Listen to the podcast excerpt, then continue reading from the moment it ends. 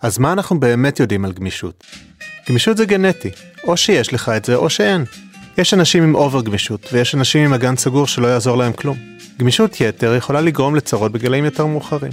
גמישות בגוף מרמזת על גמישות מחשבה. נכון? לא נכון? תכף נברר.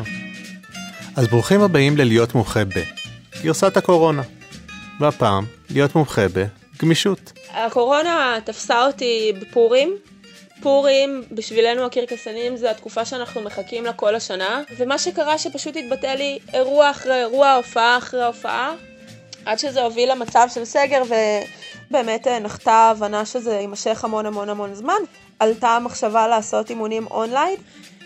גם יש קולגות שלי שמלמדים אונליין, או מכל מיני אה, אגדות בתחומם, מין אנשים כאלה שהם כל כך אה, מפורסמים בעשייה הפיזית שלהם, מלמדים רק אונליין. אז אני חושבת שבאמת הקורונה עכשיו זה ממש תקופה טובה לעבוד על הגמישות. כלומר, זה לא שאתה יכול לצאת מהבית ולעשות. כן, לי ולגמישות יש היסטוריה ארוכה של יחסי אהבה-שנאה. אני אוהב גמישות והיא כנראה לא עפה עליי. אני ממש לא גמיש וזה לא שלא ניסיתי ולא עבדתי על זה. אבל היי, קורונה. אז עכשיו שאני תקוע בבית, יצא לי להשתתף בשיעורי הזום של המומחית שלנו להיום. אבל קודם, בואו נכיר את המומחית. דניאל חוי ליביצקי, אמנית קרקס בעלת רקע בבלט קלאסי ומחול מודרני. מכירים את האנשים האלה שמתקפלים בצורה לא הגיונית? בדיוק כזו היא חוי, ככה כולם קוראים לה.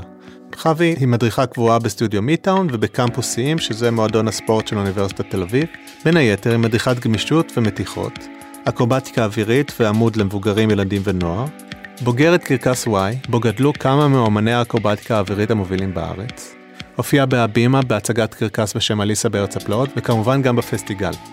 היא מדריכה מכל הלב, ולהיות בשיעור שלה זה חוויה. היא ידועה כמדריכה שנותנת תשומת לב לכל תלמיד ותלמיד, ותדאג שתגיע למלוא הפוטנציאל שלך בכל רגע נתון.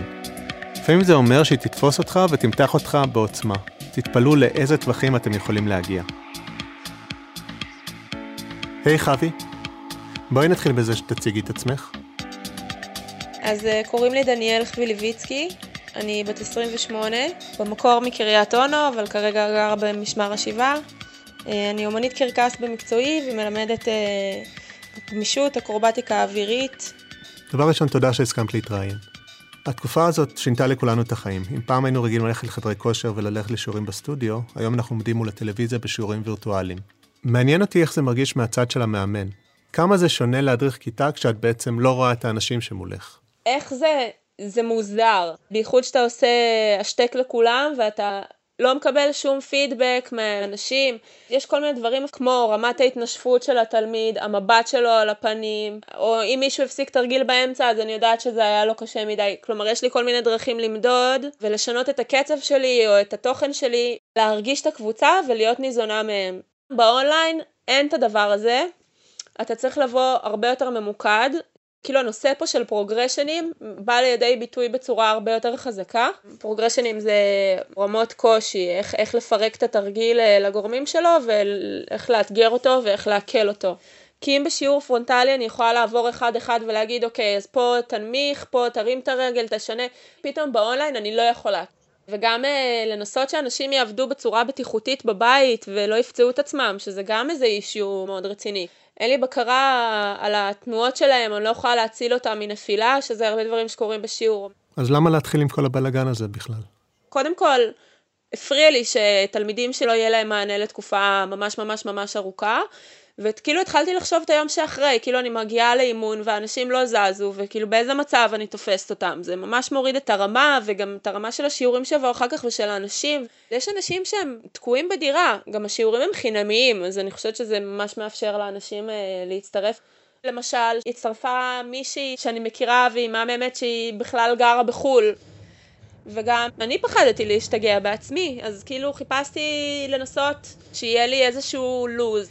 פתאום אה, מתוך האונליין עלו כל מיני דברים. בזכות הקורונה נחשפתי גם לעולם הזה, גם להתעמת מול אה, פחד טכנולוגי שהיה קיים בי. אז אני רוצה לקחת אותך כמה צעדים אחורה. בוא נדבר על מה זה גמישות, את מורה לגמישות, איך זה נראה, מה זה שונה מדברים אחרים. הרבה פעמים אנשים אה, חושבים שגמישות שוב זה רק מתיחות סטטיות ואם אני רוצה שפגאט אז בוא נשב בשפגאט.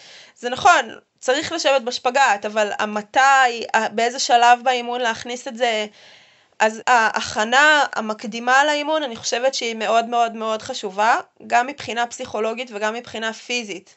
מבחינה פסיכולוגית זה לא לעבור למשל לאימון מתוך איזושהי פעולה שגרתית נורא, וזה גם אחד התפקידים של החימום בעיניי, מעבר להשפעות הפיזיולוגיות שלו, העלאת טמפרטורה, העלאת הדופק, שיפור זרימת הדם לשרירים, המעבר הזה בין היום יום שלנו לבין עכשיו אני מתאמן, עכשיו אני בתוך הזון הזה. אז הפוקוס שב, שבחימום הוא מאוד מאוד מאוד מאוד חשוב, בנוסף לזה שזה אחראי בצורה ישירה לביצועים ש... שאחר כך יבואו בשיעור. רגע, אז נתעכב שנייה עוד על מתיחות סטטיות. מה, מה קורה שם שהוא בעייתי להמשך השיעור?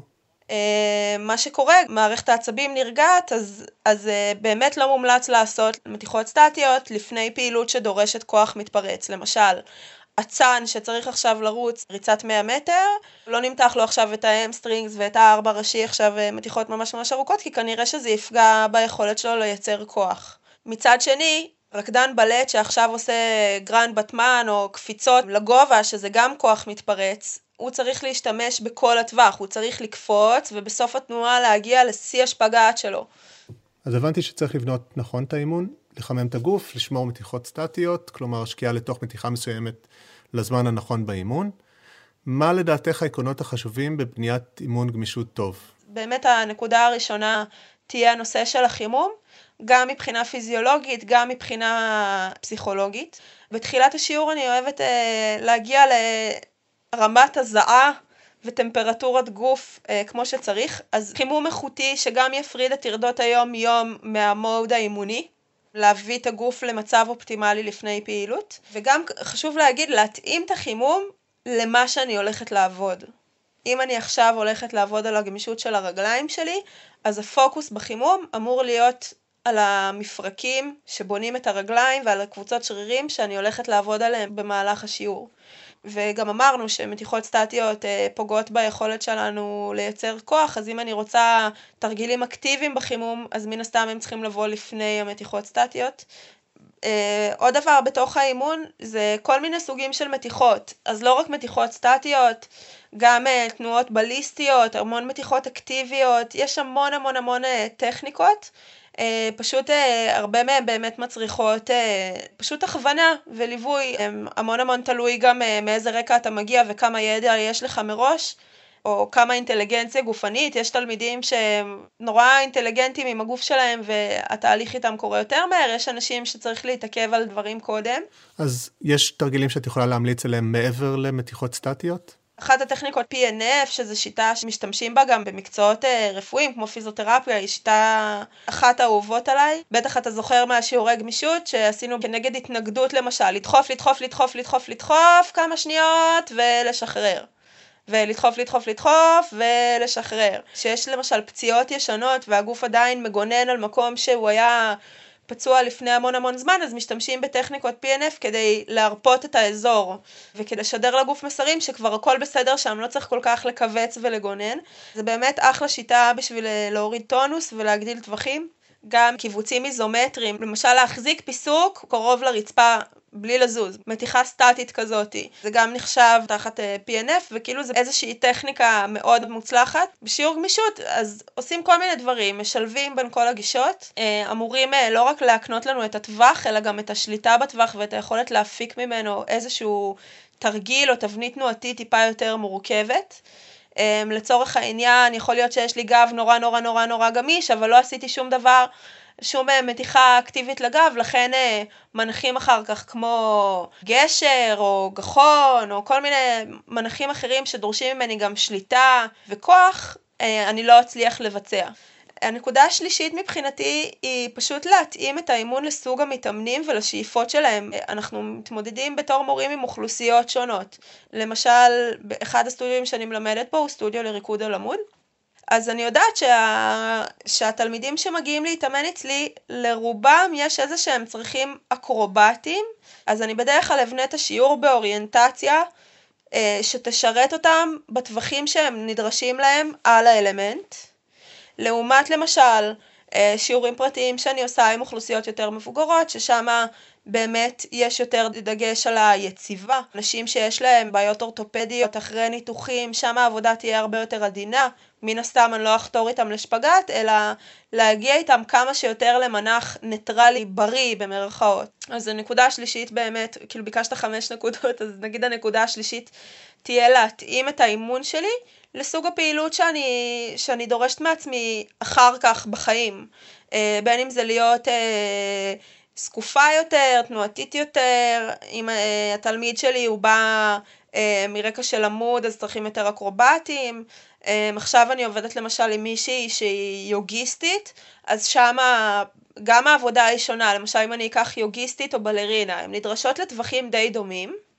אבל נגיד היוגה עובדת הרבה יותר בפרלל, במנחים מקבילים וניטרליים, הבלט עובד בטרנאוט, בבלט יש יותר אה, קפיצות, יותר דברים כאלה, היוגה היא יותר עבודה בשליטה ובהשתרשות, כלומר בתור מורה ככל שאני אדע יותר את הרקע של התלמיד, מאיפה הוא מגיע, מה הסוג ספורט שהוא עושה בדרך כלל, ככה אני אדע לכוון את האימון גמישות יותר לצרכים שלו, ולא לעשות איזשהו משהו מין חימום כללי ארוך כזה שעובר על כל הגוף. אז נורא נורא חשוב להיות מדויקים. ממש לדעת להגדיר את המטרה של האימון. היום אני הולכת לעבוד על השפגאט שלי. אז איזה קבוצות שרירים משתתפות בשפגאט שלי? אז שרירי הרגל האחוריים ומכופפי הירך של הרגל האחורית.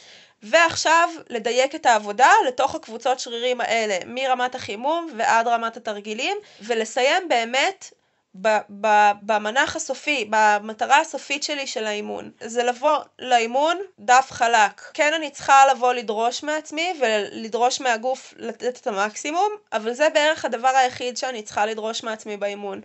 לבוא להתאמן. לא לתת לתסכול אה, לנהל אותי, אם אני יודעת למשל שכרגע אני מאוד רחוקה מהשפגאט והמטרה שלי היא להגיע לשפגאט, אז, אז לדעת שהשפגאט היא מטרה ארוכת טווח ולנסות במהלך האימון לתכנן מטרות שהן יותר אה, קצרות טווח ובאמת למדוד ולצלם ולתת לעצמי איזשהו פידבק כדי שאני אצליח לראות את ההתקדמות שלי או לא אראה את ההתקדמות שלי ובאמת לבוא בשביל להתאמן, לא, לא לבוא בשביל להשיג שום דבר באוריינטציה של האימון עצמו. אז זה לגבי צורת האימון. אני בטוח שלחלק מהמאזינים יש את השאלה שגם אני חושב. יש אנשים גמישים ויש אנשים לא גמישים. כמו שאמרתי, אני מהלא גמישים. כמה את מאמינה שהמבנה גוף ובעצם הגנטיקה משפיעה על האימונים? כמה זה אפשרי לעבוד מעבר לגנטיקה? להגיד למישהו זה הטווח שלך ובואו נשלים עם זה ונעבוד מסביב, ממש ממש ממש לא. אה, ועוד לא יצא לי לעבוד עם מישהו ולהגיד זה הטווח. כן יצא לי לעבוד עם אנשים שההתקדמות שלהם היא יותר איטית ולחוות תסכול מהצד שלהם, אז באמת שם יש שיחות בסגנון של, אה, של אין מה לעשות וצריך להתאזר בסבלנות, או ניסיון שלי כמורה למצוא גישות אחרות שיכולות להתאים להם אה, כדי לנסות, אה, כשהשנים עוברות אנחנו נסגרים, מתכווצים, נדחסים לתוך עצמנו, אז כאילו אפילו ברמה של שמירה על הטווח הקיים צריך להתייחס גם לאזורים היותר סגורים. אמ, אבל אמ, תשמע, אם תשאל למשל אה, פיזיותרפיסט או אורתופד, הוא יגיד לך שלמפרק מסוים יש זווית מסוימת שזה המקסימום שהוא יכול להגיע אליה, וזה מבנה של עצמות וסחוסים, ו... ואי אפשר לשנות את זה, זה משהו שהוא לא הולך להשתנות. אני יכולה לדבר מתוך, ה, מתוך הניסיון שלי. עוד לא הגעתי לסיטואציה שראיתי מישהו שהוא, שהוא תקוע ולא הייתה לו שום התקדמות. כלומר, עם אף אחד מהתלמידים שלי עדיין לא הגעתי ל-dead end.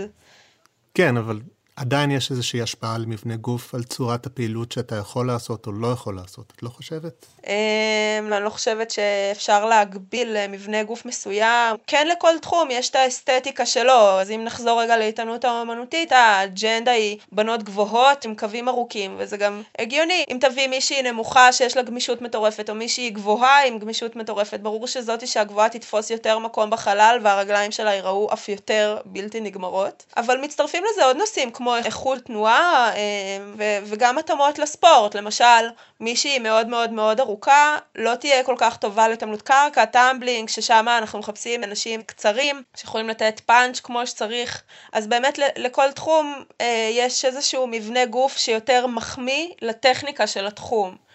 אוקיי, okay, אז כל מבנה גוף מתאים לתחום אחד יותר מאשר לתחום שני, אבל בואי בוא, בוא נבהיר את הנקודה הזאת. האם למשקל יש איזשהו קשר לכמה אתה תהיה גמיש או לא גמיש? אני לא חושבת שזה קשור, אני חושבת שזה תלוי בסוג הגוף, באלסטיות של הרקמות, כאילו, בסוף גם אין, אין הרבה מאוד מחקרים על גמישות, והמחקרים הבודדים ש, שנעשו, נעשו יותר על גמישות בהקשרים של חימום לפני פעילות אחרת. למשל, כמה כדאי להקדיש למתיחות סטטיות לפני פעילות של כוח מתפרץ. אומרים, מתיחה סטטית ארוכה נחשב נגיד יותר מ-30 שניות בדרך כלל, זה הכוונה. מילים מאוד פשוטות, מתיחות סטטיות ארוכות מרגיעות את מערכת העצבים, ואז לאט לאט אנחנו מפתחים איזושהי מסוגלות אה, להתמודד עם הכאב. כן יש מימד מסוים של הגודל, אבל אני לא חושבת שתלמיד שהוא אה, עם עודף משקל או משהו כזה לא יכול לבוא להתאמן. אני אפילו מכירה הרבה אנשים באמת אה, מאוד גדולים שמחזיקים בטווחים גדולים. אבל כן אני שומעת את זה מתלמידים, הבטן מפריעה לי לבוא קדימה, ויש בזה היגיון, כלומר, יש, יש אה, מסה מסוימת, בשר מסוים ש, שמפריע כאילו לייצר במרכאות קיפול באגן. אנחנו יכולים לקחת עוד סוג של ספורטאי שהוא מאוד מאוד מקובל בעידן המודרני, שזה הספורטאי ההייטקיסט. אמ, אז הספורטאי ההייטקיסט, אני יכולה להגיד, אמ, אה, שכאילו הדימוי שלו יהיה למשל שהוא כפוף, או מין אה, מבנה גוף אה, לולבי כזה. גם להניע את האצבעות על מקלדת ולשבת על כיסא זה איזושהי סוג של פעילות, אני לא מפרידה. כמובן שזה לא נכון, ויש הייטקיסטים שמתחזקים את הגוף שלהם כשם שהם מתחזקים את השכל שלהם, אבל, אה, אבל זה בכל אופן הדימוי לבן אדם שיושב שעות ארוכות מול מחשב. שזה מזין אחד את השני, גם יש מבנה גוף שמתאים יותר לסוג פעילות מסוימת, אה, ושוב, זה לא אומר שאנשים עם מבנה גוף אחר לא יכולים להתאים לאותו סוג פעילות. אה, אבל גם הסוג ספורט מעצב את הגוף שלנו בסוף בצורה מסוימת לפי התנועות שאנחנו מכילים. מן הסתם גוף של שחיין לא יהיה כל כך דומה לגוף של מתעמלת אומנותית או של, או של בלרינה, וזה בגלל שאנחנו, שהאנשים האלה כל החיים שלהם או פשוט השגרת אימונים שלהם מתאמנת, שמה דגש על קבוצות שרירים ספציפיות, על סוג פעילות מסוים, ולאט לאט הגוף גם נבנה בהתאם לסוג התנועות שאנחנו מכילים ביום יום שלנו. כן יש אה, מבנה גוף שמחמיא יותר באמת לטכניקה. הנה זה לא סתם שאני נגיד הולכת ברחוב ורואים כתפיים רחבות אז שואלים אותי אם אני שחיינית כי הדימוי לגוף של שחיין זה כתפיים רחבות וידיים שריריות וכל הדברים האלה. לקראת סיום יש עוד נקודה אחרונה שאני רוצה לשאול עליה וזה תזונה.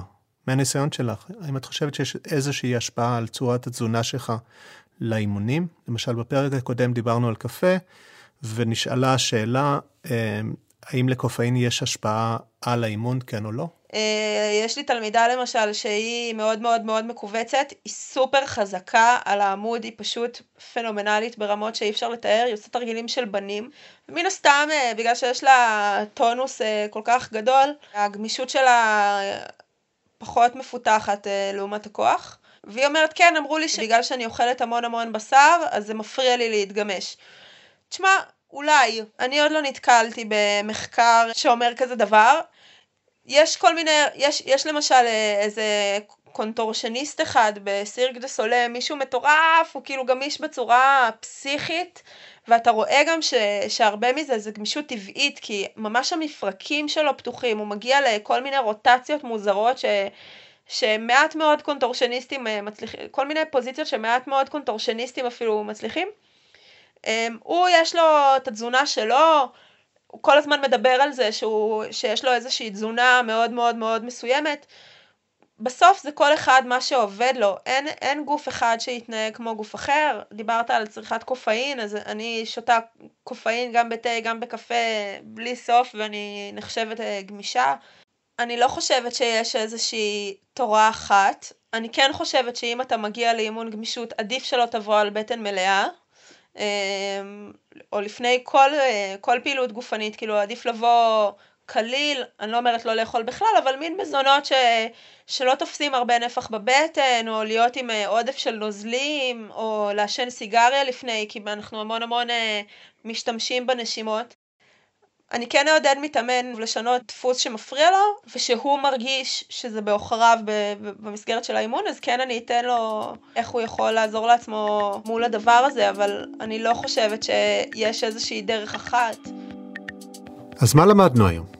חשוב לעבוד על גמישות, כמו שחשוב לעבוד על כוח, הם משלימים אחד את השני. גוף גמיש הוא גוף עם איכויות תנועה. עבודה עכשיו על גמישות והמשך עבודה לאורך השנים תשרת אותנו, בגילאים מאוחרים יותר, כאשר טווח התנועה מתחיל להצטמצם. מבנה גוף הוא לא מכשול. כל מבנה גוף יתאים לסוג פעילות שונה וצורת פעילות שונה. ולהפך, ככל שנתאמן בספורט מסוים, נבנה לעצמנו סוג גוף המתאים לספורט. אבל בשום פנים ואופן אסור לתת לתפיסת הגוף שלנו לעצור אותנו מלהתחיל ולפעול. והכי חשוב לזכור, גמישות לא מתחילה ומסתיימת במתיחות סטטיות.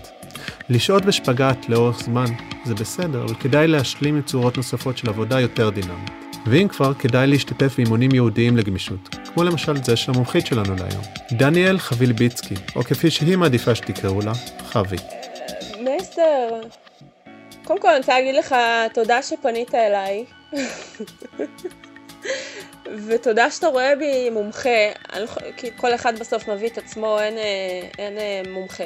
אה, מסר, יש איזושהי תחושה באימוני גמישות אחרת, תחושת סיפוק מאוד מאוד מאוד גדולה, חיבור לגוף והתעסקות עם ניואנסים ולדייק את המנח, וזהו, אני מקווה שאנשים יצליחו לשלב את זה בתוך שגרת הקורונה שלהם. מזמינה את כולם להצטרף לשיעורים. לסיום, אם הגעתם עד לפה, אז אני אשמח לשמוע מכם. תרגישו חופשי לשלוח לי למייל שמר s את. בנוסף, אם יש איזה נושא שמעניין אתכם לשמוע עליו תוכנית, תכתבו לי. ואם תסכימו, אני אשמח גם לראיין אתכם לפרק שיהיה באותו נושא. בהזדמנות זו אני רוצה להגיד תודה. לחווי הנפלאה שהסכימה להתראיין אפילו בתקופה הזו, לניר לייס העורך הראשי והתותח, מאיה קוסובר הנפלאה, צוות המפיקות מרח ושני, וכמובן כמובן למייקרוסופט על הפלטפורמה. דרך אגב, כדאי לכם להיכנס לערוץ הספוטיפיי שלנו, יש שם המון תוכן שכדאי לכם לבדוק ולשמוע. אז יאללה ביי. בוא ת... עכשיו זה השלב ש... שבו אתה מנחה אותי כדי שכל השעה הזאת לא תימחק. איך אני שומרת את זה? לעשות stop, לעשות pause. כן, לא לפחד, stop, לא ימחק את הכל.